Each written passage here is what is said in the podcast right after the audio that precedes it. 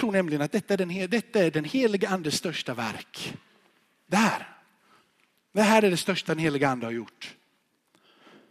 Tänk få läsa här att det här utmanar både intellektet, det utmanar sitt sätt att förhålla sig till lagen. Det utmanar i hur Gud kan verka. Det utmanar på så många plan och kan förvandla ditt liv så djupt gripande om du kan bara bli fri ifrån ditt sätt att kategorisera människor. Vet du vad jag tror? Jag tror att för många judar så är det lättare att tro att du faktiskt kan bli förflyttad i anden. För de trodde på exorcism och tror fortfarande, tror på, på ande.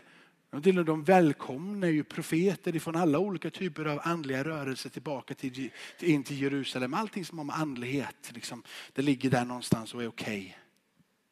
Okay. Bara andlighet, jag tror det, på riktigt.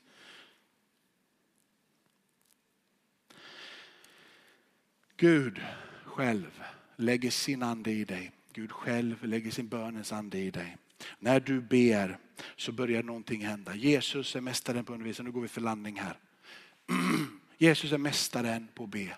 Jesus är den som instruerar dig och mig om att vi ska be. För att i bönen så ligger det djupaste fundamentet, din förvandling tillsammans med Gud. Du blir som Gud när du ber. Han rör vid dig, förnyar dig, förvandlar dig. Lukas kapitel 11 och Matteus kapitel 6, Herrens bön, instruktionen om att be. Här avslöjas någonting som är djupt fundament när det kommer till bönen. Och det är att både i, kapitel, kapitel 11 i Lukas och kapitel 6 i Matteus när det kommer till Herrens bön pratar om förlåtelse.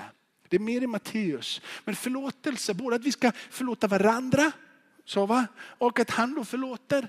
Att vi ska liksom ha, det, det, det, är så mycket i förlåtelse, både, både så och så och, och liksom hela vägen. Och är det inte så och så så blir det inte så. Varför med bönen? För du och jag har gjort bönen till ett redskap att ropa ner eld. När bönen är ett redskap in i djup intimitet.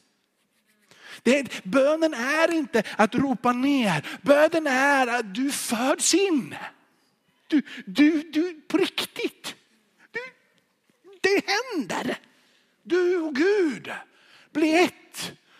Och för att du inte ska få kramp i det så säger han att det är jag som har frälst dig, du kan inte frälsa dig. Och det är jag som ger utav min ande så att du kan be. Och inte nog med det, han säger att jag är min ande på din insida så att du kan sucka till eh, honom. Alltså ande sucka till honom. För ande vet precis vad det är. Och sen så i samma kapitel i vers 35 så säger han, och inte nog med det bara. Jag låter Jesus, min son också, be för dig. Bara fortsätter att be, be, be, be, be. Varför? För att ropa ner eld ifrån himmelen? Nej, för att du och jag ska komma i ton och i takt med vem Gud är. När den första bönen har sin plats på den rätta platsen i ditt liv, då börjar också omständigheterna röra sig. Och när omständigheterna börjar röra sig så börjar relationer falla på plats. Och när relationer börjar på, falla på plats så börjar staden förvandlas. Kanske inte som ett, liksom, sådär va.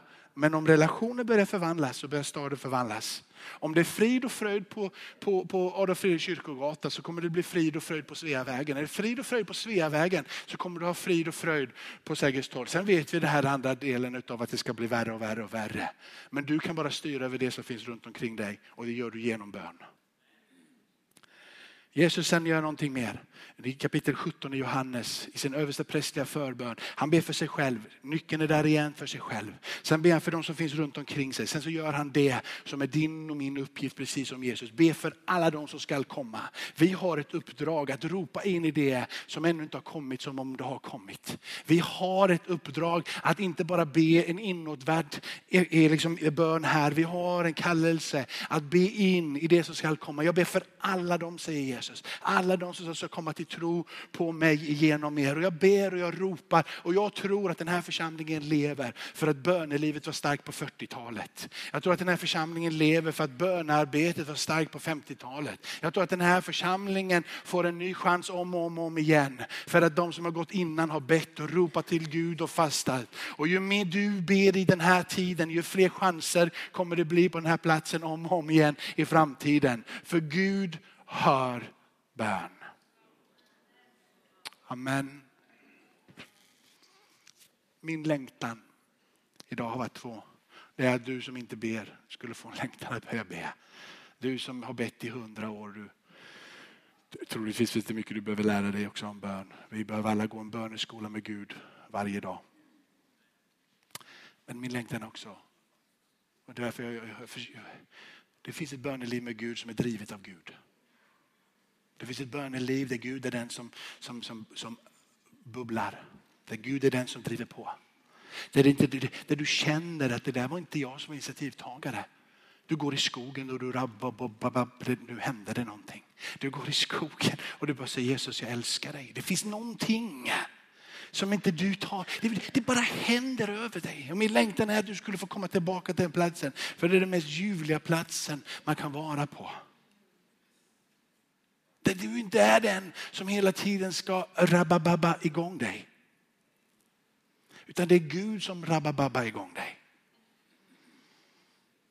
Tänk vad det är så att ibland så rabababa inte han igång dig. För det är någonting som han vill lära dig. Och så står du och stonkar huvudet i väggen. När det enda du vill är bara rabababa igång mig. Han försöker tala till dig. Visa dig någonting.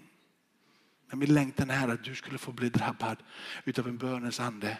Så du kan komma in till den platsen att se hur Gud verkar. Så du kan se att han älskar alla folk i alla tider. Och att han har en frälsningsplan som kan gripa in i vilket samhällsskikt som helst. In i vilken individ som helst. Bara det finns en längtan. Låt oss be tillsammans och gå in för en avslutning. Tackar dig Fader i himmelen för att du verkar i den här stunden. Tackar dig för att du verkar bortanför allt förnuft. Du verkar bortanför alla sinnen. Du verkar bortanför allting som är mänskligt. Du verkar med din eviga ande in i den här tiden. Tack för att du den här stunden reser upp på insidan av våra liv genom din heliga andes närvaro krafter Herre, att i alla situationer se din storhet. Förmågan i alla situationer inse och igenkänna ditt eviga ingrepp. Jag ber Herre att du ville låta ögonen öppnas. Kom helig ande med dina gåvor.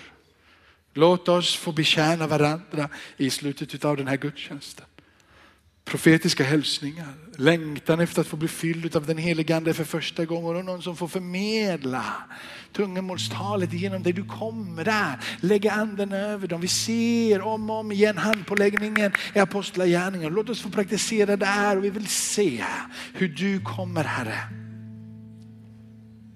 Grip in, rädda, fräls, möt, förlös din goda helige ande. Amen. Amen. Förbön, till förbön. Så sjunger de några lovsånger så kommer du dit och så får vi tro Gud om ett ingripande.